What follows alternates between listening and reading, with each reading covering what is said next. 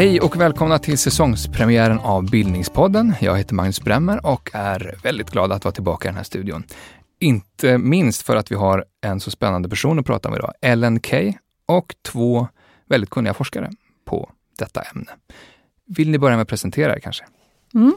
Eh, jag heter Hedda Jansson och är doktorand i religionshistoria här vid Stockholms universitet. Och eh, jag håller på att skriva om Ellen Keys eh, livsåskådning. Och jag har också arbetat på Ellen Keys strand, hennes hus som hon byggde 1910-1911 eh, i 15 år som föreståndare för det huset.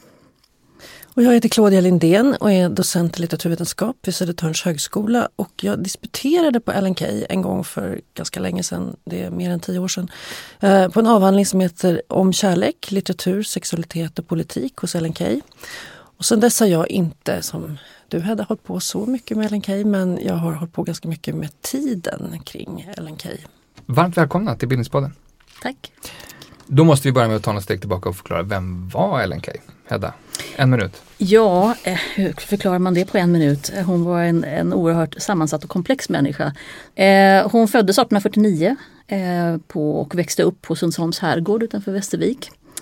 Hon dog sedan 1926 på Strand i Östergötland. Och, eh, jag brukar säga att hon var en sann 1800-talsmänniska för hon mm. var hon ägnade sig åt precis alla slags ämnen. Hon var författare, hon var pedagog, hon var kvinnosakskämpe, hon var fredsaktivist. Eh, hon var estetisk och religiös ideolog, hon var litteraturkritiker. Hon var med och startade en skola, hon var lärare på den skolan i 20 års tid. Eh, folkbildare, debattör, religionsstiftare och propagerade för konstnärerna och konstnär, konstens roll i samhället. Och, eh, och sen så var hon en väldigt, väldigt social människa. Hon hade ett enormt stort kontaktnätverk över hela, inte bara i Sverige utan i Europa och andra delar av världen också. En av de mest kända svenskarna under 1800-talet kanske? Ja, det kan man absolut mm. säga. Internationellt? Ja, mm. oh ja. Vi har en del att ta i här uppenbarligen. men, men Claudia, kan du, skulle du kunna sammanfatta liksom hennes eh, tänkande då? Alltså det hon har, själv har skrivit och lämnat efter sig? Ja, eh, alltså som vi såg här av Heddas eh, vad heter det, långa beskrivning så är det, det är ganska mycket så det går inte helt att sammanfatta. Men om man ska säga några, för hon, hon var ju verkligen någon som höll på med väldigt många olika saker. Men om man ska sammanfatta det i några saker så kan man säga att det hon var mest engagerad i var dels kvinnorörelsen och kvinnors rättigheter, eh, rösträtten och framförallt en förändrad syn på kärlek och äktenskap. Hon var också väldigt engagerad som hon undervisade som lärare i att utarbeta en modernare pedagogiska reformer bort från barnaga och så vidare. Hon var också en ganska övertygad socialist som även om hon aldrig var med i Socialistiska partiet som också jobbade mycket för en förändring av ja, sociala, överhuvudtaget sociala rättvisefrågor kan man säga. Mm. Men kan du, om du skulle nämna några av hennes viktigaste verk, vilka skulle det vara? Ja, eh, jag, jag, tror att vi är ganska överens om att det är den som hon kallar för livslinjer som kommer mellan 1903 och 1906. Mm. Eh, som är tre band eh, som, hon, som har paraplytiteln Livslinjer 1, 2, 3 och som har då undertiteln Kärleken och äktenskapet skönheten och religionen är den sista va? Eller religionen Människan och Gud kommer väl mitt i där och Människan sen är det skönheten och lyckan. Precis. Men de går ju väldigt mycket i varandra ja, ämnesmässigt. Men religionen så. är tvåan och, och skönheten är liksom trean. Så det är också mm. så att de innefattar alla de här frågorna. Det är liksom kärleken och det är någon slags livstrosyn och sen är det vår relation till konsten och estetiken. Mm. Det är en slags sammanfattning av hennes tänkande i stort. Jag ska kanske inte säga sammanfattning som att det är det stora huvudverket. Hon jobbar mm. med massa mindre skrifter så jobbar hon sig fram under senare delen av 1800-talet mot det här som är mm. det stora, den stora ansamlingen liksom, mm. i ett stort, mer systematiskt huvudverk. Um, Barnets århundrade är också en, en, en känd titel. Men det, men det är mer den, den pedagogiska delen av hennes mm. tänkande. Mm. Som kommer lite tidigare än det här verket. Då. Och som också innehåller ganska mycket, som den är väldigt upptagen med barnarbete och sådana saker. Så det är ganska mycket sociala frågor, men den kommer 1900. Av alla dessa olika områden som hon verkade på och tänkte, går det att säga någonting om liksom, på vilket område hon var mest banbrytande? Eller så? Ja, vad ska man säga? Alltså, hon blev ju mest inflytelserik när det gällde pedagogiken och utifrån Barnets århundrade. Och Barnets århundrade kan man ju säga är ju också en samling av essäer som hon har publicerat under de föregående årtiondena. Jag tror att den äldsta är från 1880-talet. Så det här samlar hon sen då slutligen då i det här stora. Och den, den här boken blir ju banbrytande på det sättet att den mo- mottas utomlands väldigt väl. Översätts till en mängd och kommer ut i en mängd upplagor till exempel i Tyskland. Så på något sätt så landar de här idéerna väldigt väl utomlands. Här hemma har man lite svårare för, för hennes tankegångar. Men det är ju framförallt synen på barnet som är hennes stora, alltså synen på barnet som egen fullvärdig, värdig individ, alltså myndig individ på något sätt. Istället för att vara någon slags liten ociviliserad eh, varelse som då skulle liksom formas in i samhället så skulle barnet få existera sin egen rätt. Det är väl det som är hennes stora genombrott, tänker jag i alla fall. Vad säger du Claudia? om det? Ja, jo, men jag, jag, jag håller med om det i väldigt hög utsträckning. Om jag skulle säga att, um, att hennes syn på uh, kvinnors rättigheter och på kärleken är också väldigt, är väldigt banbrytande även om hon har inte samma corporate-stämpel på de idéerna. Därför att där var hon mer liksom, hon var en av väldigt många. En mer tydlig, välformulerad och kanske drev de frågorna. Men det var den typ av förändring som hon åstadkom. Eh, var många med och gjorde även om vi så att säga har, är arvtagare av många av hennes idéer. Medan att när det gäller barnpedagogiken så har det varit tydligt att man kan spåra till idéer tillbaka till men det här faktiskt var någonting som just Ellen Key sa. Eh, när det gäller synen på kärlek så, så har det inte blivit så. Men jag menar, hon skriver ju till exempel om rätten till skilsmässa i kärleken och äktenskapet och sånt där väldigt, väldigt, väldigt tidigt. Och hur man ska dela vårdnaden om man skiljer sig. Alltså många sådana frågor som hon tar upp som, som, har, som, som vi så att säga lever med idag. Hon, hon var på många sätt en kontroversiell person i sin tid. Om, med radikala idéer uppenbarligen. Hur, hur yttrade sig det där? Hur, Ja, Alltså, en av de främsta mm, områdena där hon blev kritiserad det var ju det att hon faktiskt hade med buller och bång ska man säga lämnat kristendomen. Och eh, väldigt många ur den feministiska rörelsen menade ju att man behövde ha den kristna människosynen för att kunna agera för ett jämställt samhälle. Medan Ellen Key menade att det var kristendomen som på något sätt var roten till det onda. Och för att kunna frigöra människan i sin helhet och kvinnan kanske i synnerhet då, så behövde man frigöra sig från kristendomen. Människan hade utvecklats vidare från det stadiet där hon behövde kristendomen som en slags eh, tröstemedel till att kunna klara sig på egen, på egen hand helt enkelt. Eh, och det fick hon väldigt hård kritik för. Och man tyckte att hon ledde ungdomar i omoral och att eh, hon, eh, att världen skulle på något sätt, samhället skulle falla sönder nästan i någon slags eh, misär om man inte hade kristendomen som ledstjärna. Och det här var med Ellen Key med och liksom propagerade för menar man. och sånt här som att ver- verka liksom, mot barnaga. Alltså, var det en kontroversiell fråga i hennes tid? Eller var det mer att hon gick i bräschen för? Jag tror att den var nog inte lika kontroversiell som, som det här med religionen och konsekvenserna. För det här med synen på religionen fick ju konsekvenser för synen på sexualitet och massa andra saker också. Men barnagan, det är klart att det, att det, att det störde liksom i, för, för mer konserv- Nej men det störde för mer konservativa personer men även där så fanns det fanns ju liksom en, en, en annan pedagogisk syn på barnet som också var liksom på väg fram. Det var inte det, ja, men livslinje till exempel eh, när den kommer, det finns på strand ett tjockt tjockt tjockt kuvert med liksom bara Alltså så smädesskrifter och arga brev i samband med att livslinjer kommer. Eh, och det handlade ju mer om religionen och, eh, och, och så hennes syn på sexualitet än, än att hon var emot barnaga. Eh, Som vi sa, internationellt väldigt känd under den här tiden. Eh, Kan man ge något exempel på alltså, ungefär hur känd hon var? Ja, det enda som kommer, jag kommer att tänka på är just utgåvan av Barnens århundrade. Eh, Så att i, i Sverige under Keys ledandetid från det boken kom ut 1900 tills hon gick bort 1926 så kom boken ut i två upplagor i Sverige. Medan då utomlands, och det tänker jag framförallt på Tyskland, så hann den komma ut i 33 upplagor under samma tid. Eh, och, Liksom, ehm, vilka läste henne vid den här tiden? jag tror att det framförallt var unga, unga kvinnor som inspirerades av både hennes syn på familj, på hem, på äktenskap, på barn. För hon menade ju på något sätt, och det här kan ju du bättre Claudia förstås, med att hon att eh, alltså kvinnan skulle ju myndiggöras på något sätt. Hon, ännu, var, ännu så länge så var det ju så att gift kvinna i Sverige var faktiskt omyndig. Så att eh, det här var ju någonting som hon eh, menade var en, en viktig fråga. Men på något sätt så var man mera eh, mottaglig för de här idéerna utomlands. ute i Europa. Och, där, och sen hade hon ju, ja, det var, var ju det som ledde fram, sen, som ledde fram till eh, hennes utlandsresor, hennes föreläsningar mm. utomlands och hennes världskändisskap så småningom mm. faktiskt. Mm. Hon är ju översatt till, jag menar, Kärleken och äktenskapet, du säger barnets århundrade, det är ju översatt till inte, massa språk. Mm. Och hon är översatt ända bort till Korea. Um, och um, Kärleken och äktenskapet kom ut på franska, den kom ut på engelska. Um, det finns ju en sån här rolig sidohistoria att Frank Lloyd Wrights nya fru som ju behövde argument för att liksom, ja mm. precis.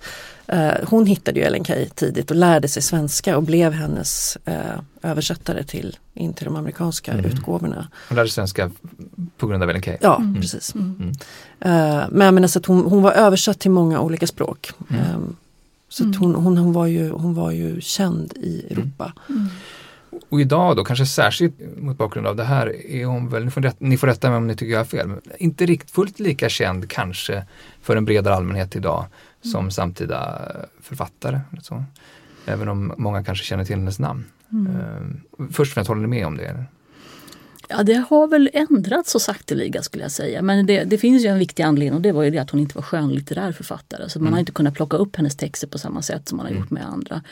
Eh, men sen tror jag också faktiskt att det spelar in att hon, jag måste ju säga om jag får vara helt ärlig, att jag tycker inte hon är en speciellt god författare. Eh, hon var ju tydligen... Jag är inte helt du håller inte med om det? Jag tror jag får svara på det strax. Det är fullt full, full ja, argumentet. Alltså hon, hon, bitvis så är hon helt briljant och sen så blir hon för ordrik. Och, ja det finns en massa olika saker. Hon var ju faktiskt med, sägs det åtminstone, jag har inte exakta bevis för det, men det sägs att hon var med eh, på listan för eventuella kandidater till Nobelpriset. Mm. Eh, men så var det då Selma Lagerlöf som fick det istället, var det 1909? Nio, ja. Eh, och sen vad det berodde på det vet jag inte säkert men, men alltså att hon, hon var, jag tycker inte att hon var en speciellt god författare på det sättet. Men sen tror jag också att hennes eh, eh tankegångar och idéer hade en väldigt tydlig tidsstämpel. Eh, mm. Så att det finns ju många debatter som hon är med i som faktiskt inte alls är aktuella längre. Så det är mm. också av den anledningen. Mm. mm. Nej, men, nej, men, så är det absolut. att det är, Som Hedda säger att i och med att det var många dagsaktuella, i och med att hon var en sån debattör och kritiker i sin tid som liksom gick in i tidens debatter så, så hon debatterar med andra intellektuella som kanske ja, men som Vitalis Nordström som ju inte heller är särskilt känd idag. Um, så att det gör att hennes texter, jag menar, en skönlitterär text kan man alltid ta upp och läsa om på olika mm. sätt men det här är liksom lite svårare och för att många av de saker hon stred för har vi ju också fått igenom och då läsa en mm. debatttext som argumenterar för någonting som inte har varit ett problem på över 50 60 år är ju liksom inte så intressant. Mm. Bort, bortglömd på grund av, av inflytandet? Då, ja precis, mm. men så skulle jag säga om hennes eh, sätt att skriva att hon är ju, alltså ibland är hon absolut för ordrik men det man märker med hennes sätt att skriva är ju att hon var en, att hon skrev ju många av sina texter som föredrag först och hon är en väldigt, väldigt, väldigt god retoriker. Mm. Så jag tycker på det viset en, en bra författare, det är inte alltid som att hon är ganska bra på drastiska formuleringar. När hon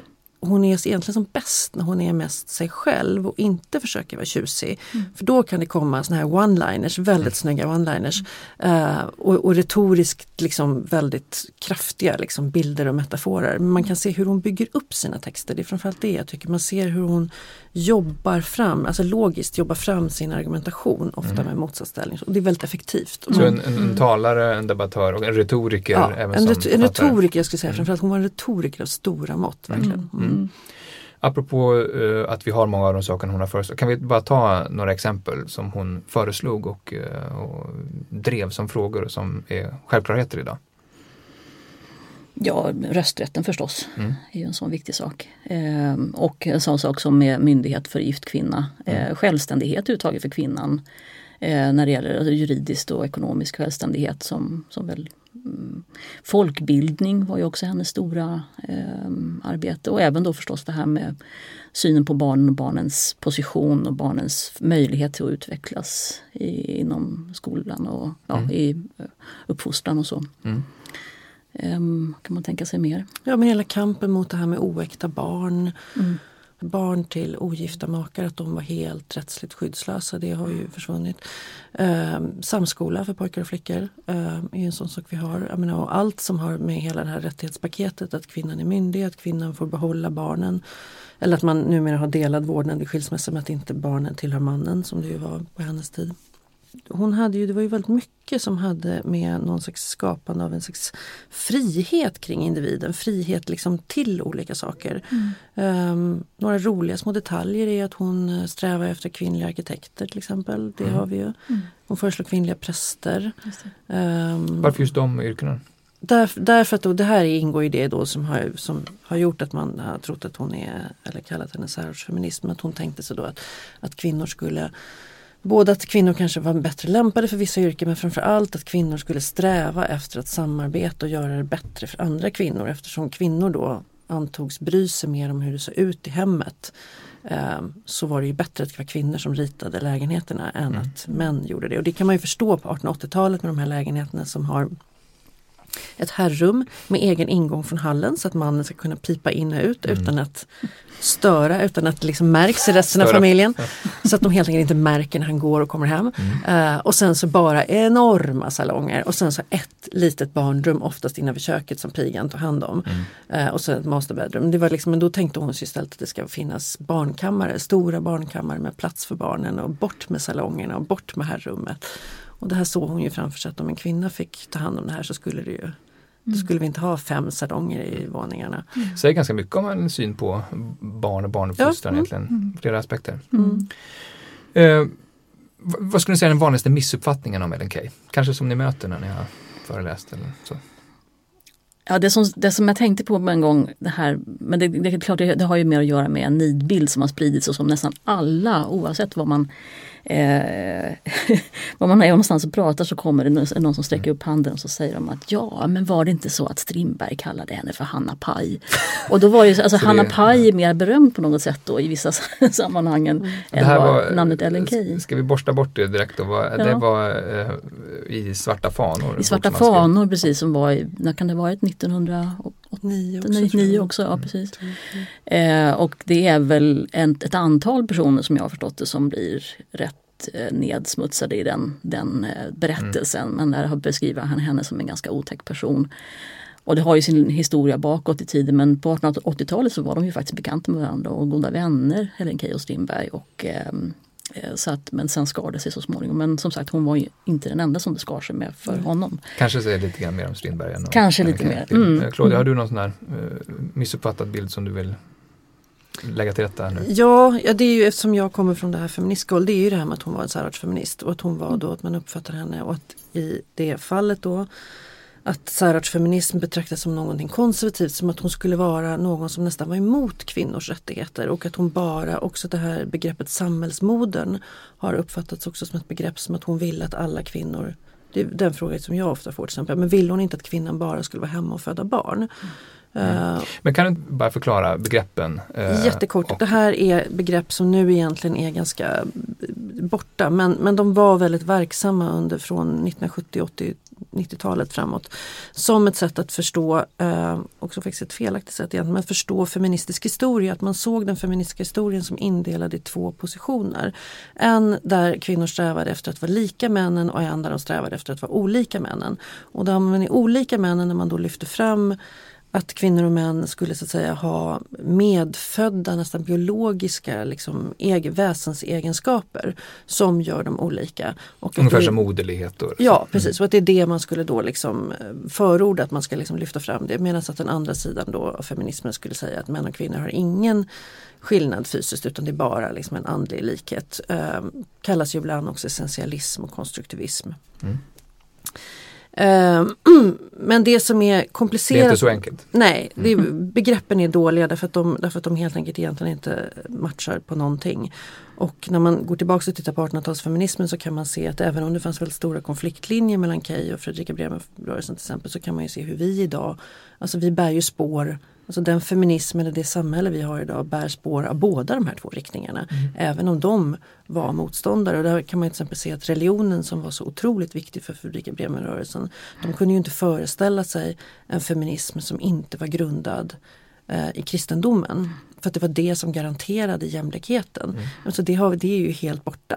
Det skulle de ju aldrig kunnat föreställa sig. Medan att däremot det här mer arbetarklassorienterade att se över klasserna som Kay höll på med är någonting vi är. Men sen hade Kay mm. föreställningar om att hon kunde jobba med begrepp som moderlighet och sånt här som ju inte Fredrika Bremer-rörelsen gjorde Mm. för de lyfte framförallt fram arbetet som viktigt men det Mm. var ju bara då medelklass och överklasskvinnans arbete. Mm. Så det finns ju liksom, det finns klasskonflikter mellan de här två riktningarna. Det finns religiösa konflikter och det finns också konflikter i, eller det fick konsekvenser för, i synen på sexualitet till exempel. Men så här, på, på vilka sätt är Ellen Key inte en särartsfeminist om det skulle vara så? Nej, men en, som ett, ett, skäl, ett skäl att man har trott att hon har varit särartsfeminist är att hon lägger så pass stor vikt vid kroppen. Men det har att göra med hennes uppgörelse med kristendomen. Uh, därför att hon, eftersom hon var så kritisk mot kristendomen så var hon var väldigt, väldigt kritisk mot kristendomens uppdelande i kropp och själ, i två, alltså den kristna dualismen i två separata enheter. Och det är ju Mm. det som Fredrika Bremer-rörelsen gör. Alltså de skuldbelägger ju i viss mån kroppen och lyfter fram själen Mm. och tycker kroppen är oviktig. Men för Hur, hur ser Keys förhållande ut då? För Key så var det väldigt, väldigt viktigt att man skulle tänka kroppen och själen som någonting som hörde samman. Mm. Ehm, nu kommer jag inte ihåg några men hon har några sådana här också väldigt bra formuleringar för det där. Men, Mm.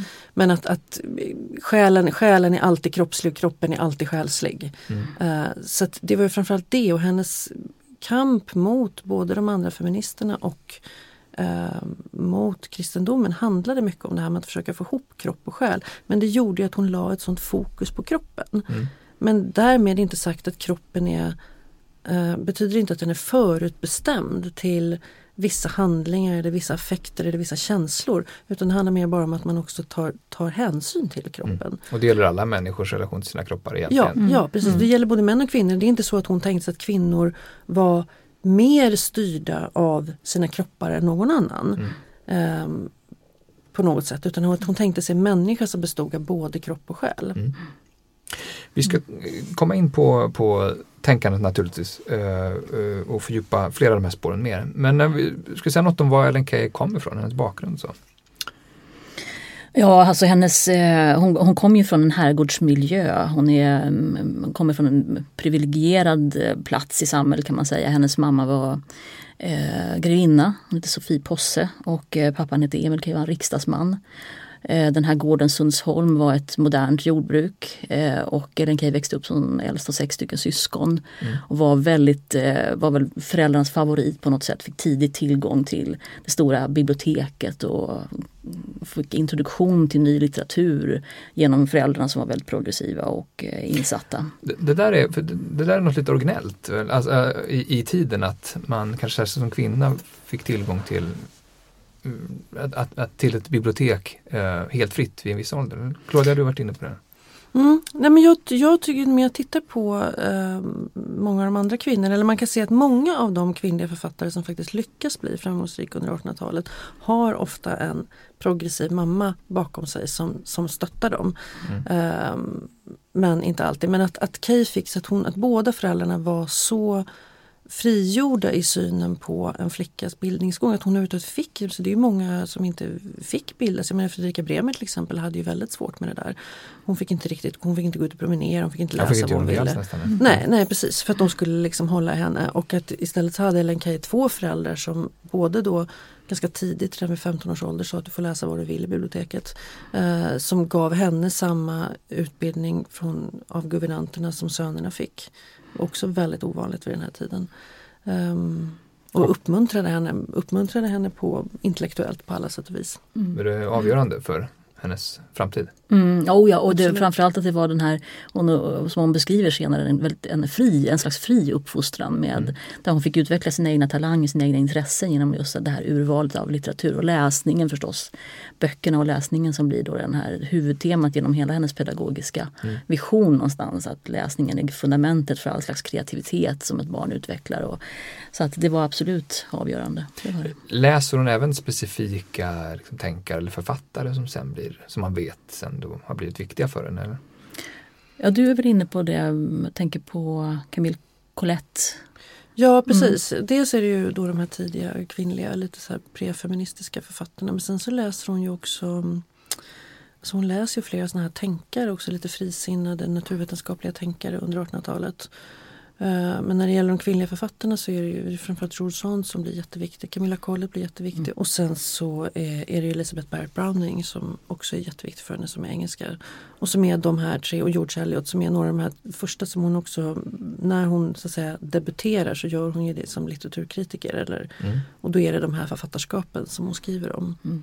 Sen senare under hennes liv, men det är ju först som vuxen så börjar hon läsa Nietzsche som blir då nästan helt avgörande för, mm. för att också utveckla då en sån här en, en slags icke-kristen men då sammansatt syn på kropp, mm. på kropp och själ. Det är framförallt från Nietzsche som hon hämtar det. Och det är en samtida tysk, eh, mm. lite lätt galen, allt mer galen filosof, men väldigt populär i tiden. Mm. Vi kan kanske komma in på det. Uh, hur, ja, fortsätt den biografiska linjen här. Ja, ja, just det. Hon, hon läser en väldig mm. massa. Ja precis och hon, hon får ju undervisning då som sagt av guvernanter i hemmet. Eh, men hon har ju i övrigt egentligen inte någon formell utbildning. Hon åker iväg på någonting som heter Eh, om jag kommer ihåg rätt, Rosanderska skolan för fruntimmer. Mm. Som är då en, eh, en, en kurs som går vissa delar av året om jag inte minns fel. Och eh, hon går den kursen samtidigt som hon eh, också följer med sin far till Stockholm på hans eh, riksdagssessioner. Ja, just det, de har, fadern har också en våning i Stockholm ja, för precis. riksdagsarbetet. Och så, men de har kvar hela tiden den här herrgården. Ja precis, mm. och mamman stannar oftast kvar på gården därför att hon är ofta ganska sjuklig. Eller, mm. Hon hade, hade ju tbc. Eh, och så Ellen Key får följa med som någon slags biträdande värdinna för de här mötena och allt. Och även agera som sekreterare för sin far och är med och renskriver. Och ibland har jag fått för mig, det fanns någon berättelse om att hon skrev mm. in sina egna åsikter ibland i mm. pappans eh, artiklar eller i talen. Nej, men hon har spökskrivit en, en artikel. Det finns ett brev där hon berättar hemstolt att de, hon har fått så att säga en artikel publicerad. Som hon, I hans namn? Ja, som hon har spökskrivit åt pappan för att han hann inte så fick hon skriva den. Jaha. Men hon tar väldigt aktiv del av, av de här debatterna förstås och får vad jag har förstått också en inblick och ett, ett kontaktnätverk där tack vare pappan. Mm. Men också tack vare mammans, eh, mammans eh, släktingar och kontakter i, i Stockholm. Som då liksom introducerar henne till hela den här kulturvärlden och till Eh, till den politiska världen. Så det här blir ju helt avgörande för henne sen när hon ska själv börja etablera sig i Stockholm. Och då mm. blir det så att gården som de har ägt fram till ungefär 1880 går i konkurs. Pappan har satsat på modernt jordbruk som inte bar sig och eh, då blir Ellen tvungen att försörja sig på egen hand. Och då, det är då hon kommer eh, bosätta sig i Stockholm och startar en skola tillsammans med Anna Whitlock. Mm. och, Kort vem, vem Anna Whitlock var?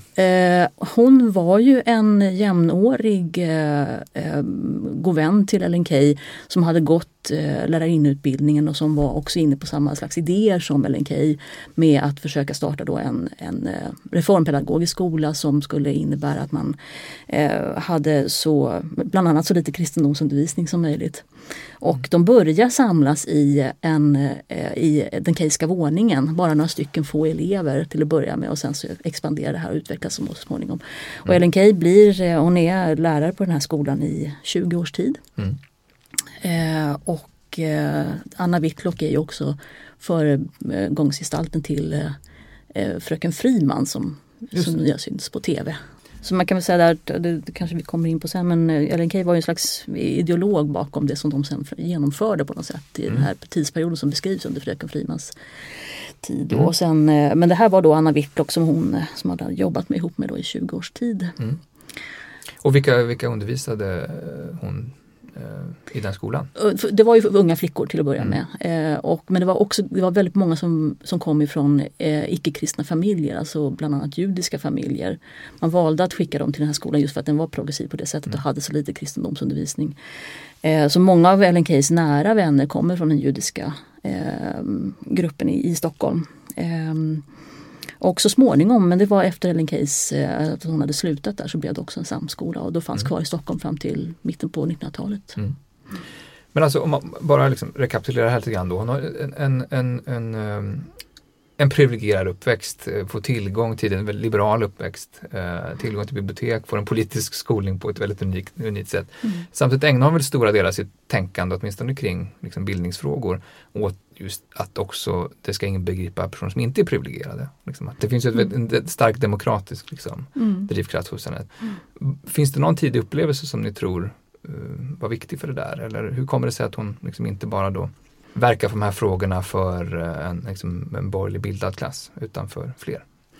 Alltså de hade ju väldigt eh, tät kontakt på gården mellan Eh, nu vet jag inte om det var speciellt från Ellen Keys sida eller om det var alla syskon eller om det var hela familjen. Men det fanns en kontakt med arbetarna på gården. Hon väldigt stark sympati för arbetarna på gården. Mm. Eh, och hon skriver ju vid flertal tillfällen och har också väldigt mycket religiösa grubblerier om det här med rättvisa och orättvisa, Guds makt och, och all makt och det onda i världen. När det gäller just arbetarnas situation. Så möjligtvis är det där någonstans som det här grundläggs. Mm. Vad hon sen engagerar sig för.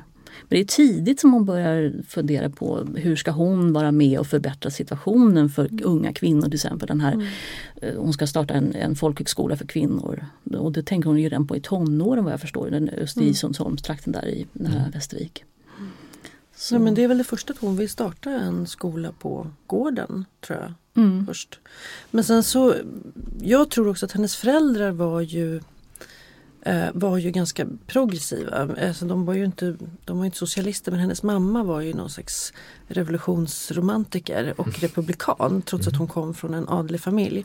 Uh, så mamman var ju övertygad om att kungaväldet borde avskaffas. Mm. Och har också skrivit någonting till Ellen Key att jag kommer inte få uppleva men du kommer att få uppleva hur vi en dag att Sverige blir republik. republik. Ja, så det fanns ju, hon var ju omgiven av den typen av idéer så det är liksom inte som att det heller är Alltså det, här, de här, det här hemmet som är ganska liberalt och progressivt är det liksom hela vägen igenom. Mm. Sen att jag tror att hon blir ännu mer så men att, att hon kommer från en familj där den här typen av idéer diskuteras. Sociala frågor, kan man driva jordbruket på ett annat sätt? Hur ska man bete sig mot arbete? Alltså det, mm. det finns ett sån, en sån tankegrund. Sen att hon själv är mycket radikalare än vad sina, mm. sina föräldrar. Men, mm det finns en tankegrund. Jag tror också att det är sådana människor hon träffar här i, i Stockholm. Och ja, det. det är också tillsammans med eh, hennes absolut bästa väninna under ungdomen, Julia Kjellberg. Hon gifter sig sen med en ganska känd tysk socialist. Mm. De två läser ju jättemycket tillsammans och läser den här typen av ja, vad ska man säga, politiska idéskrifter och, och mm. utvecklar mycket tankar. Så jag tror det här är något som hon håller på med när hon är mm. väldigt ung. Hur länge är hon, uh, hur länge är hon verksam i Hvitloks eh, skola? Hon, hon, hon, hon, arbetar på Hvitloks skolan från 1880 ungefär fram till ungefär 1900, så det är 20 år. Och under samma tid så har hon också föreläsningsuppdrag på Stockholms arbetarinstitut bland annat men mm. även på andra eh, ställen, Verdandi studentförening bland annat. Eh, och Eh, det är under 1890-talet som hon blir, slutet på 1880-talet så börjar hon bli mer och mer uppmärksammad som opinionsbildare och framförallt när hon håller eh, två stycken brinnande tal för yttrande och tryckfriheten. Och då attackerar hon framförallt de gamla liberalerna som då bland annat representeras av hennes egen far och Viktor Rydberg och de här. Eh, att de har något övergivit sina liberala mm. visioner och, och eh, kritiserar nu de unga för att liksom vilja föra det här vidare. Mm. Så att hon försvarar Hjalmar Branting i ett tryckfrihetsmål. Det gör hon också, mm. precis. Han har ju blivit fälld i ett tryckfrihetsmål där han har blivit kastad i fängelse till med några månader. Mm. Eh, och de här talen blir publicerade eh, och eh, blir väldigt, väldigt uppmärksammade. Och hon är efter det då från 1889 så väldigt mycket i, i ropet som opinionsbildare just för de här liberala frågorna. Mm. Den här tiden brukar man också prata om som det moderna genombrottet. Uh, Claudia, kan inte du liksom bara lite grann kort säga vad det är för någonting och typ Ellen Keys uh, plats i det? Mm, uh, ja, oj oj, uh, stort. Men i superkort så är det moderna genombrottet är den term, den kommer från en bok som Georg Brandes publicerar jag är alltid osäker på om det är 82 eller 83. 1882. Dansk, ja, dansk, dansk litteraturkritisk, den mest kända och viktigaste och mest inflytelserika kritikern i Skandinavien vid den här tiden som heter Georg Brandes. Han publicerar eh, en bok då som heter Det moderna, det moderna genombrottets män och lyfter fram då eh, fyra författare däribland Ibsen, eh, Björnsson, sin egen bror och ytterligare en som jag har alltid glömt bort från det. Mm. Men någon som nu är bortglömd. Men som då författare som nu då driver liksom den moderna tiden och det, framförallt så handlar det om, då om att det är också de här frågorna som Kaj intresserar sig för. Komma bort från religionen, samtidsanpassad litteratur som, och det är det han lyfter fram, som ska ställa dagens problem under debatt. Han mm. uppmanar författarna helt enkelt. Till att, det är nyckelformuleringen, sätta problem nyckel, under debatt. Stä, mm. Precis, sätta problem under debatt. Och det där blir ju liksom till en väldigt viktig vad ska jag säga, uppmaning till författarna runt om i den här tiden och i då, eftersom Skandinavien är nästan som ett helt liksom, gemensamt kulturfält. Att just liksom se litteraturen som en plats som ska liksom användas för, för påverkan. Mm. Man kan säga att det liknar både 70-talet och vår egen tid. Ja, ja, precis. Mm. Det liknar 70-talet ganska mycket faktiskt. Mm. 70-talet var ju också väldigt förtjust i den här tiden på 1800-talet. Mm. Men, men, man kan säga att det, fin det finns absolut beröringspunkter. Mm. Och då kan man ju se att för Key då som är eh, precis då har liksom debatterat i de här tryckfrihetsfrågorna så kommer hon in i den här tiden då. När, och det skrivs ju mycket och det är ju då Ann-Charlotte Leffler, det är Victoria Benediktsson, det är Strindberg, det är många andra. Eh, som hon då också lär känna eh, och arbetade liksom då tillsammans med. Så att hon är ju väldigt mycket en del av hela den här, den här rörelsen. Um, av det som är det moderna genombrottet och de frågor som de, som de debatterar. Mm. Och det leder ju då in till kan man säga det som också är en konflikt med kvinnorörelsen sen moderna genombrottet då har någonting som sen som är framförallt en slags litterär fejd men som kallas för sedlighetsdebatten. Mm. Det kan vara värd att Ja man kan säga mm. någonting om det därför att Keys position där är och den allra enklaste förklaringen av sedlighetsdebatten är att det fanns liksom sexualliberaler och sexualkonservativa. Men det är inte så enkelt, det finns liksom fler positioner där. Mm. Uh, men att i princip så var den, den en sida med många författare vill ju att man skulle kunna liksom skriva mer öppet om sexualitet. Det handlade framförallt om att komma åt prostitutionen, hyckleriet kring prostitution, hyckleriet kring olyckliga äktenskap och så vidare och könssjukdomar. Alltså att man skulle kunna skriva om de här sakerna. Men det var mer en tryckfrihetsdiskussion? Än... Det var både en tryckfrihetsdiskussion, det var en estetisk diskussion, det var en politisk diskussion. Den, den liksom har, men det är så här, vad kan man säga? Liksom? Mm, mm. Vad kan litteraturen säga? Uh, och det gör att det är en väldigt, det är en väldigt infekterad och, och också väldigt uh, vad ska jag säga, uh, konstruktiv i den meningen en kreativ diskussion mm. kring vad, vad går litteraturens gränser. Och vilken roll fick Kay den? Kay där tillhör då det här med liberal tillsammans med några kvinnliga författare som man kan säga nästan intar en slags tredje ståndpunkt i det här. Mm. Mellan, de, liksom, mellan de konservativa män eh, och i viss mån kvinnor som inte tycker att man ska väcka eller ta upp de här frågorna överhuvudtaget. Och de som tycker liksom att eh, ja, liksom mer fri kärlek. Liksom. Mm. Fri kärlek vilket betyder fri sexualitet vilket i första hand betydde fri sexualitet för män. Mm. Det var eh, de som fick syfilis i Paris. Och sådär. Ja precis. Mm. Eh, så, så försöker då Kay och det är framförallt det är ett litet gäng. Det är framförallt Benediktsson och Leffler och i viss mån Alfred Agrell. Eh, som då försöker liksom hitta någon slags mellanpunkt här där de ju vill ha mer frihet. De vill att kvinnor ska kunna utforska sin sexualitet, de vill kunna ha en fri sexualitet men de ser ju samtidigt att att utan äktenskap så finns det ju väldigt stor risk för att de blir övergivna med barn som då blir oäkta barn, barnen far illa. Så att det gäller ju då att samtidigt skapa, och det är här hennes liksom kärleksideal kommer in, att skapa ett slags syn på förhållanden och kärlek mm. eh, som, kan, som kan vara utanför äktenskapet men som ska bygga på sann kärlek. Mm. Istället för då att man ska gifta sig för pengar och så vidare. Men att det naturligtvis att i den här då idén om den stora kärleken så skulle man också kunna då skapa ett utrymme för mer öppenhet kring de här frågorna och i sin livsstil men samtidigt också då få till alltså män som ändå är lojala med en mm. relation och därmed liksom ett skydd för de barn som kommer att skapas i de här. Eller... Mm. Skulle ni säga att den där, den där tredje positionen, är den, är den lite typisk för Ellen Key? Även i andra frågor? Ja men det skulle man nog kunna säga. Mm. Det finns ju det här dialektiska på något sätt med hennes, hennes argument från det ena och det andra hållet så kommer hon fram till det tredje. Hon, hon har väl när det gäller just äktenskapet, vad är det hon säger om, det vet jag inte om det blir en radikalisering sen när hon börjar närma sig livslinjer. Att kärlek, eh, äktenskap utan kärlek är prostitution. Mm. Eh, äktenskap utan kärlek och sen tvärtom då att eh, men, två, två makar som, eller två personer som älskar varandra de är gifta fast oavsett, oavsett om, de är, om det är mm. legitimerat ja. i kyrka eller i, inför staten. Mm. Hon blir nog faktiskt lite mer radikal där. Alltså, eller mm. successivt eller ganska fort. Men jag menar, det är definitivt så att hon är radikalare kring 1900 än vad hon är mm. tidigt 80-tal. Mm. Ja, kring sekelskiftet så avslutar hon de flesta uppdragen och börjar resa. Mm. Vad, vad, vad hände där? Alltså, som jag har förstått det så var det så att hon hade utsatts för ganska mycket hård kritik. Det var ju ungefär runt de åren som hon får, eh, den första som kritiserar henne är ju Karl David av Wirsén och det gör han egentligen redan under slutet på 1880-talet. Och här var ständig sekreterare i Mm. Svenska Ja. akademin och uh, litteraturvetare.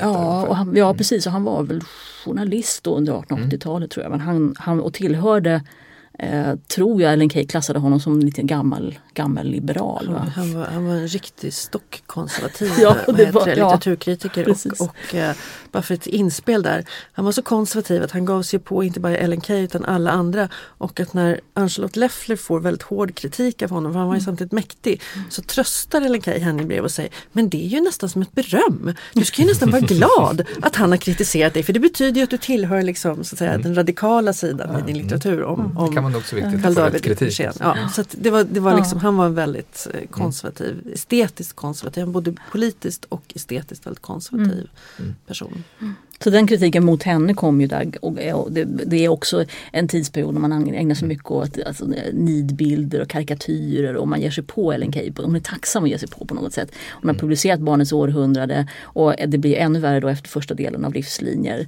om kärleken och äktenskapet. Framförallt då förstås att det här då är en ogift kvinna utan barn och hon ska yttra sig om de här sakerna. Vad är det för någonting? Och bland annat då förespråkar uh, rätt till skilsmässa och, och sådana Ja, saker. bland annat det. Så, så att det finns ju flera där som eh, Vitalis Nordström eh, som jag inte minns exakt vad han hade för position nu. Han var Ehm, väl någon slags professor i filosofi i, mm, i Uppsala tror jag. ja, just det.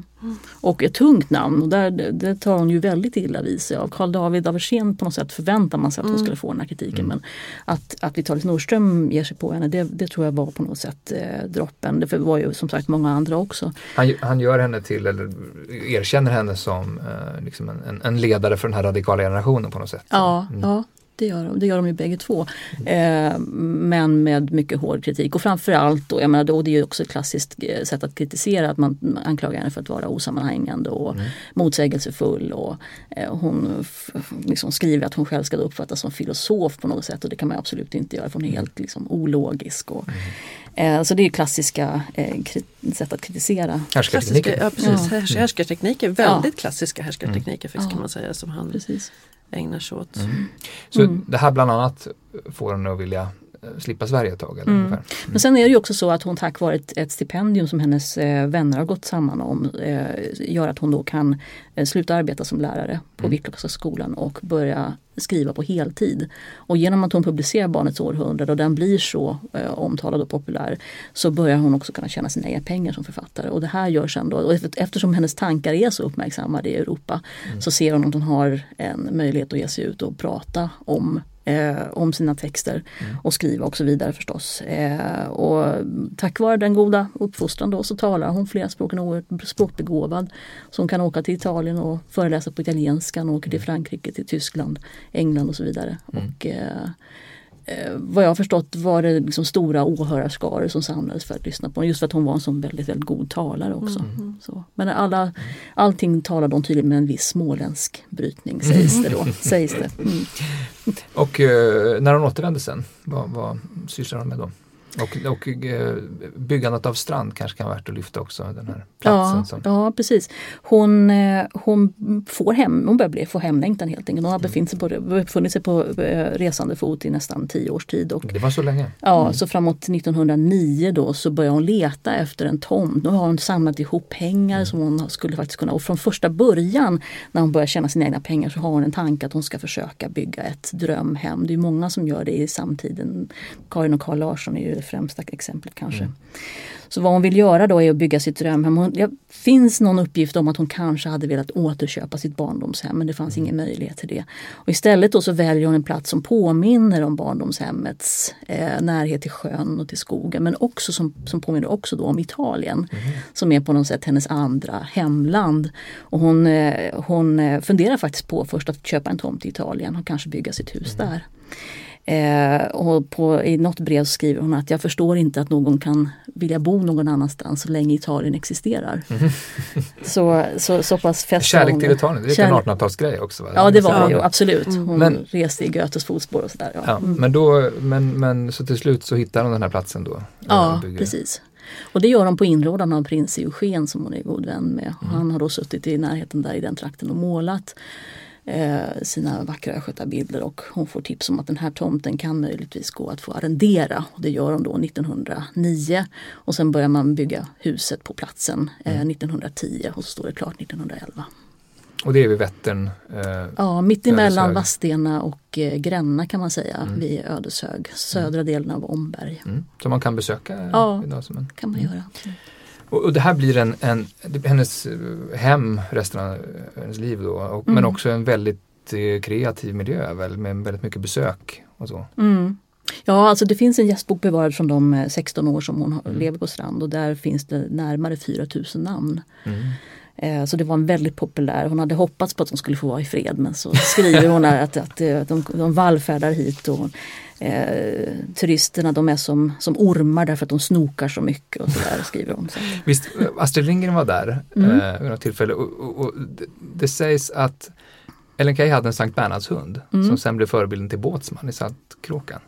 Ja, man vet Stämmer. inte riktigt säkert vad det gäller just den uppgiften men okay. han, han fanns där och sen fanns det en, en Sankt Bernhard. Men däremot så tog hon ju intryck av det citatet från Thomas Toril som står målat på entréväggen inne i, i hallen. En svensk 1700-tals Ja, precis som Ellen Key beundrade oerhört mycket. Och det citat hon har hämtat är Denna dagen ett liv. Mm. Och det här är ju sen rubriken på ett kapitel i Saltkråkan och det är mm. eh, farbror Melker som sitter och läser Thomas Torild och mm. citerar detta denna dagen ett liv gång på gång. Och Så det är lika mycket Kay som Torild kanske? Där alltså. Ja, det kan man nog säga. Att det finns ju med i filmatiseringen också. Han sitter där i när de här tidiga avsnitten när det fortfarande finns en slags voiceover där mm. farbror Melker tänker så är den här Denna dagen ett liv finns, ja. finns som en sån här replik som han säger. Just det, det stämmer. Om vi skulle eh, zooma in lite mer på hennes tänkande då. Dels är ju den här tiden vi har pratat om nu mest kring sekelskiftet verkligen folkbildningens, eh, folkbildningsrörelsens guldålder. Hon är ju en väldigt framträdande figur där. Mm. Hur skulle ni beskriva henne som folkbildare? Alltså hon, hon ser ju sambandet förstås, eh, som, som många gjorde vid den här tiden på att, att om det, det, demokratiska projektet ska fungera så måste också folkbildningen komma till och det måste vara en tillgänglighet av folkbildning. Eh, eh så att hon är ju med och eh, initierar flera av de här folkbildningsrörelserna, bland annat Folkuniversitetet 1917. Eh, men och, och eh, framförallt så ska ju kvinnorna bildas eftersom mm. de då ska få den här tillträdet till, eh, när rösträtten kommer så ska de vara förberedda för mm. att ta liksom, del av det här. Hon är på det sättet också ideologen som går före till exempel Fogelstadgruppen när man tränar sig i det demokratiska arbetet. Mm. Så det är väl det som är den främsta avsikten med med folkbildningen. Mm. Och Fogelstadgruppen det var en medborgarskola, ja, Fogelstad var medborgarskola 20, 30, 40-tal ungefär. Ja, precis det. Men, men kan man säga att bildningsfrågan blir mer en fråga om, om tillgänglighet och att alla ska mm. få tillgång till det här mm. bildningsarbetet. Så. Ja och framförallt eh, just när det gäller läsning. Hon var ju, arbetade mycket med bibliotek mm. och att eh, biblioteken skulle utvecklas i städerna och mm. för, för arbetare framförallt. Mm. Skulle tillgängligt. En av hennes sådana här one-liners är ju den här bildning är det som är kvar sedan vi glömt allt vi lärt oss. Det verkar ju mm. inte handla så mycket om faktakunskap utan mer av en av eh, nästan som en andlig eh, i alla fall, process mm. eller någon form av fråga om omdöme och mm. eh, Ja, det, hand, det handlar ju om, om, ja, det handlar om, att, om, precis om, om, utvecklingen av människan. Mm. Och hennes utveckling som till en fullvärdig personlighet på något sätt. Då, han, då, då är kunskapsinmatningen eh, kritiserar hon ju väldigt hårt. Och mm. Att det absolut inte är det det handlar om, det handlar om vad det blir för slags människovarelse mm. eh, av det hela så mm. småningom. Fick en slags individ som är ute och verkar i samhället och då mm. är det det som är bildningen. Mm. Alltså man kan säga att hon är ju, hon är ju inte särskilt auktoritetsbunden. Eh, så det hon menar är ju liksom att bildning är inte att sitta och, och Alltså det är därför man ska glömma det man har, har läst. Så mm. det, är inte, det är inte att sitta och hänvisa till vad X, Y och Z har sagt. Mm. Utan det är att detta har smälts och mm. blivit mm. integrerat i ens egen personlighet. Det är mm. då man har blivit en bildad människa. Mm. Inte när man citerar vad någon annan har sagt. Men är det ändå viktigt så här, vad man stoppar i sig med tanke på att de skrev också en bok som heter Skönhet för alla. Alltså, och, som är en, som är en slags estetik. Så. Um, säg något mer om det Claudia.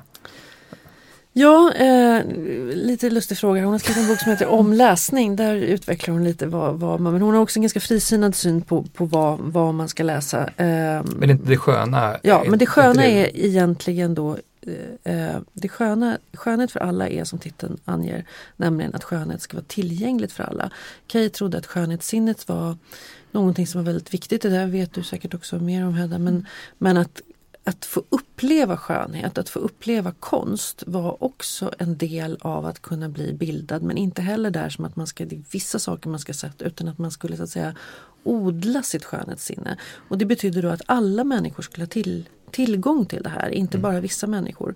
Så hon var ju till exempel hon var en tidig förespråkare av typ affischer mm. eh, på kända konstverk. För att det var ju så här, man kunde ju inte man var ju tvungen att resa ut och titta på de här. Det var ju så män gjorde på sin Grand Tour. Men när man inte kunde göra det så skulle det vara bra om det fanns tryck så att alla kunde liksom, så man kunde ha en da Vinci hemma på väggen mm. och njuta av den. Eh, dem demokratisering av bildningsarvet. Precis. Ja precis och att det var inte det viktiga var inte att det var originalet och så utan det viktiga mm. var att man kunde se själva bilden.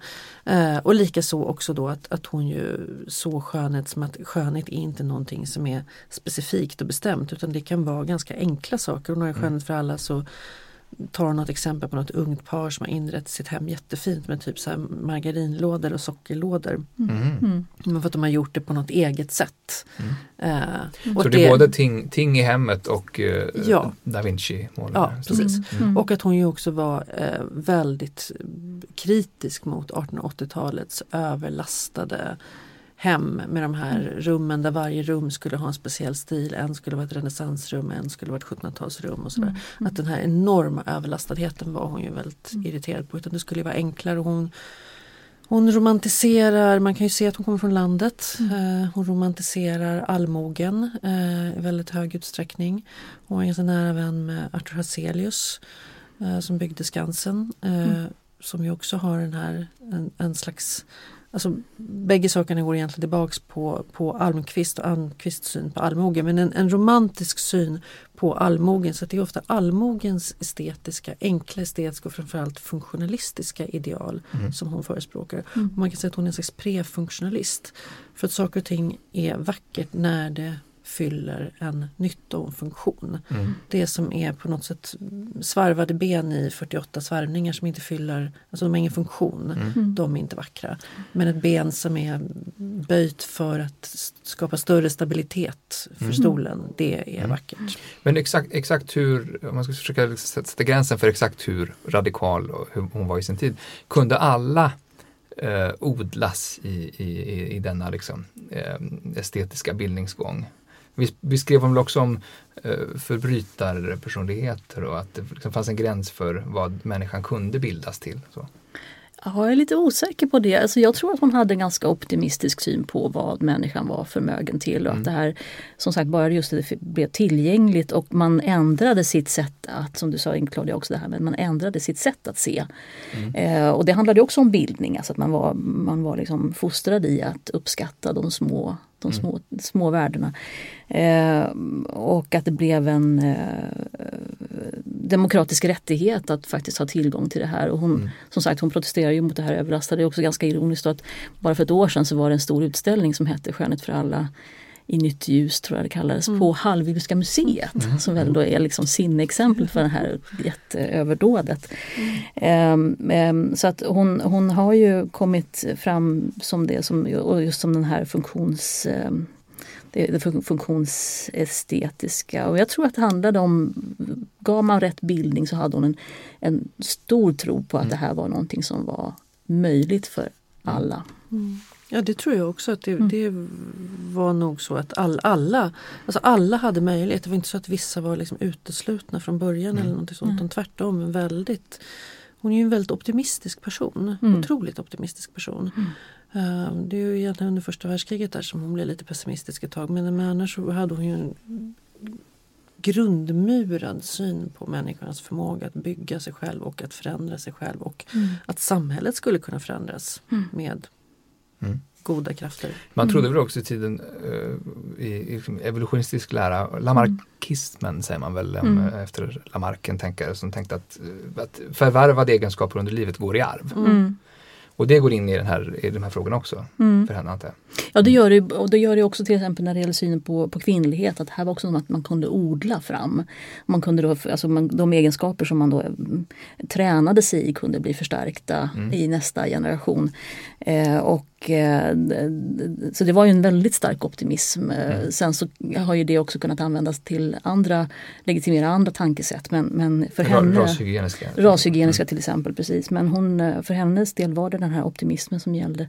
Och det mm. grundar sig också mycket i hennes syn på, eh, alltså det hennes livsåskådning som mm. är så starkt förknippad med den här, hon kallar det till och med för kroppsjälen. Mm. Som då är en enda enhet som ska kunna utvecklas och då baserar hon det på Darwin och på Spencer och Heckel. Alltså att man ska kunna eh, hela personen, hela själen, hela mm. anden, alltså hela, mm. allt som ingår i en människas konstitution är också någonting som kan utvecklas. Och, kan vi inte, för det, tiden går snabbt här. Jag tänker mm. att vi ska prata lite grann mer respektive också uh, forskningsinriktningar när det gäller Kay. Uh, livsfilosofin uh, och, och kärleken som du Claudia är intresserad för. Mm. Ska vi börja med livsfilosofin kanske? Mm. Båda de här ämnena diskuteras ju i det här trebandsverket som ni nämnde, livslinjer. Mm. Vad, vad, går hennes livsfilosofi ut på? Ja, i korta ordalag. ja, alltså, man, man, säger att den baseras på evolutionismen, den baseras också på monismen som hon hämtar framförallt ifrån Spinoza. Eh, 1600. Monism. Monismen, den enhetstanken då, alltså mellan den här kropp, kroppsjälen. Mm. Och eh, genom att och det får ju effekter då på hela samhällsbygget och till exempel den här synen som, som Claudia var inne på också, på synen på kvinnan. Genom att människan är lika mycket kropp och själ så är både mannen och kvinnan likvärdiga i det här. Man kan inte nedvärdera det andra. Mm. Det ena eller det andra. Så vad hon gör konsekvent är att hon byter ut, vad ska man kan säga, det, det som det transcendenta, bilden av, av Gud, bilden av det, det som är hinsides, bortom. Det byter hon ut mot någonting immanent, alltså någonting som finns inom, inom världsligt.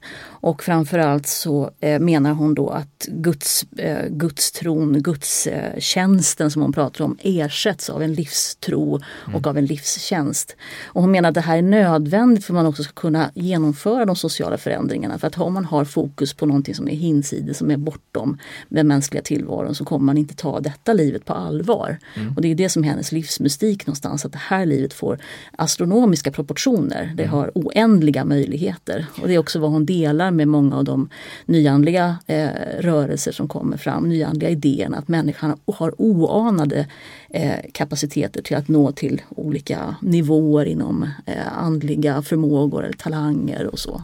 Men så det, det, det, det andliga bor i det jordnära men det har liksom inga yttre gränser? Ändå. Nej, mm. nej precis. Vad var hon inspirerad av liksom, för riktningar i tiden när det gäller liksom, sånt här andligt tänkande? Ja, alltså hon rör sig väldigt mycket parallellt med de eh, esoteriska rörelserna som, som, eh, som kommer fram vid den här tiden, till exempel teosofin. Mm.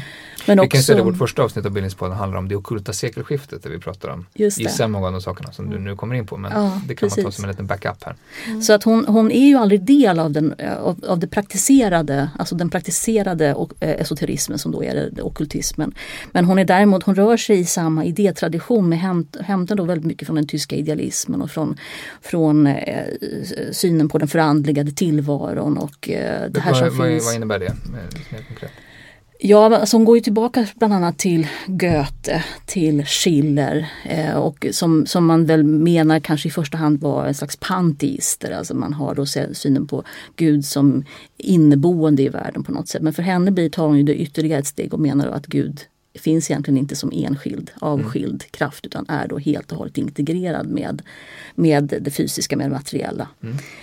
Eh, och, det är där kroppen kommer in? Ja, precis. Och hon, hon delar den traditionen. Man säger ju oftast att det som min forskning handlar om är ju också att se i vilken mån man har tagit till sig av österländska tankegångar i det här. Mm. Och många ja, hon, menar, hon var buddhist stort sett, eller? Inspirerad av buddhismen? Ja, hon var nog inte buddhist men hon var inspirerad. Det är samma sak där. Hon rör sig liksom parallellt med de här tankegångarna och läser väldigt mycket och refererar till buddhism och teosofi i sin livsåskådning. Eller när hon skriver om det, framförallt i livslinjer. Mm. Som om det är nödvändigt för henne att argumentera och prata om de här ideologierna eh, för att kunna motivera sin egen ståndpunkt. Så återigen mm. så har vi det här dialektiska. Hon börjar någonstans med kristendomen på ena sidan. Hon har, ja, det är inte bara två ståndpunkter egentligen. Mm. Det är buddhismen och hinduismen och det är andra österländska tankegångar. Det är teosofin, det är materialismen, det är spiritisterna. Och sen så gör hon sin egen eh, mm. sammansmällning och tar lite komponenter härifrån eh, från olika delar. Och, sen så och det här, de här dragen blir starkare i hennes tänkande senare i, ja, i livet? Ja, det blir det, mm. det blir det. Mot slutet, och det vet vi det har vi ingenting skriftligt baserat på, men hon prenumererar på Teosofisk tidskrift på de sista mm. åren av sin levnad. Mm. Så att eh, möjligen så fanns ett ökat intresse och det delade hon med bland andra Selma Lagerlöf som också började intressera sig för de här frågorna senare mm. i livet eh, Teosofin som är framförallt knippad med Madame Blavatsky. Ja, eh, just det. Det fanns ju lite olika inriktningar och den som företräddes av en eh, Blavatskys efterträdare, Annie Besant, mm. var, en, var det som Ellen Key intresserade sig för och läste. Hon, läste mm. hon har flera böcker bevarade av, av Annie Besant. Men det är en liknande typ av ja. andligt tänkande vid tiden. Ja. Hur, hur, mycket, hur mycket av allt det här finns i kärleksbegreppet hos Ellen Key? Ja, men jag skulle faktiskt vilja knyta an till det och säga det ganska mycket därför att eh, både Blavatsky men framförallt Annie Besant var ju en slags feminist. Mm. Alltså det finns ju en, eh, det har inte undersökts så jättemycket, men det finns ju en koppling mellan teosofi och tidig feminism och rösträttsrörelse. Mm. Um, så, så det är ju liksom inte heller någon slump att Key med sina övriga intressen också landar i just i den tiden i mm. teosofin. Vilken typ av koppling? Ja, jag tror att du kan det där bättre än vad jag kan men det är ju att de ju både att de vill hitta ett annat sätt in i ett annat sätt att tänka som, är, som kritiserar kristendomen då delvis som en ja, alltför mansdominerad och att det, mm. det är med det här med det jordiska och det världsliga och att, och att kvinnan ska kunna få ta plats som, som en andlig person. Mm. Eller hur? Eller, jag, eller tror, jag tror att Helen Keyyo till och med menar att, att kvinnan då, hur, hur det nu hänger ihop med att hon av någon anledning är mera eh, eh, mera förmögen till andliga eh, upptäckter, till andlig dimension på tillvaron. Mm. Och det är också därför, jag tror att det är det som man använder som argument bland annat för att kvinnor då passar väldigt bra för att bli präster. Mm. Mm. Eh, och eh, att kvinnan har en mission, då handlar det också om att inte bara befrämja det feminina i samhället, mm. omtanke, omvårdnad, moderskap, utan det handlar också om att befrämja den, den delen som har fått, eh, som har fått skjuta på, alltså, har mm. kommit i skymundan på något sätt i den här materialistiska, fyrkantiga, mm. manliga världen som, okay. som också då oundvikligen kommer leda fram till krig. Alltså det hon menar att kvinnans uppgift är inklusive, in, eh, inklusive det andliga. Mm. Och det är många feminister som, som, som, men, som har just och hittar sin eh, vad ska man säga, grogrund för självständighet och för, eh, självs, för, för, till vad ska man säga, personlig växt nästan mm. kan man säga. Mm. I de okulta mm. traditionerna. Mm. Och det finns ju många, framförallt i England finns det många bevis för det här. Flera forskare som har skrivit om det också som är mm. oerhört intressant. Man får en plats i det eh, okulta sammanhanget, man får en position, man, får, mm. man bevisar sin, sin talang och sin kraft där och då kan man ta det med sig ut i samhället efteråt. Men, men idéerna kring kärlek och äktenskap då, ja. hur, hur, hur, ser de ut? Jag ska försöka koppla mm. över här bara. Jag förstår att du vill vidare men jag vill stanna kvar här. Det här som Hedda säger. Gör en nej, snygg övergång. Här. Ja, nej, men därför det som, är, som jag tycker du, du pekar på här är ju just det här hur, hur, de, alltså hur det strukturellt fungerar. På vilket sätt kvinnorna kunde hämta energi i det här och mm och att det där just för att också förklara det här med särartsfeminist, att hon inte var särartsfeminist. Det är inte som att hon tror att det här är för att kvinnorna är annorlunda inuti. Utan det beror på deras strukturella position. Mm. Och att kvinnan ska så att säga på något sätt bevara sin position som någon som är lite annorlunda för att kunna kritisera det som vi med modernt ord skulle kalla för mainstream-samhället. En radikal allt, position.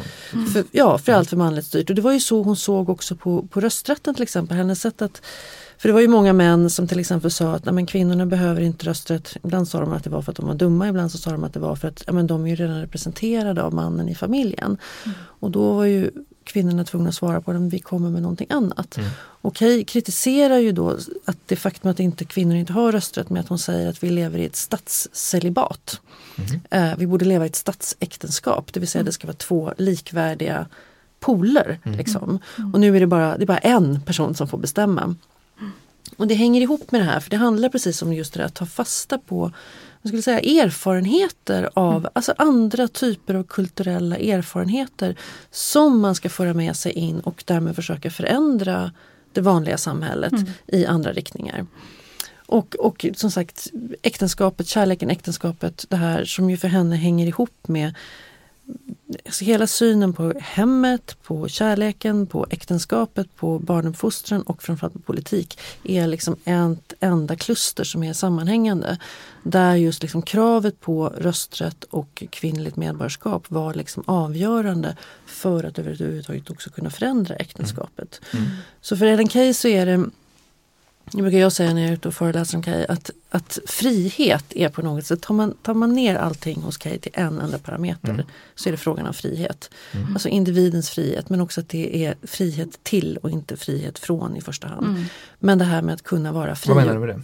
Jo men att det inte handlar bara om att bli befriad från ett slags förtryck utan att mm. ha fri, fri till möjligheter mm.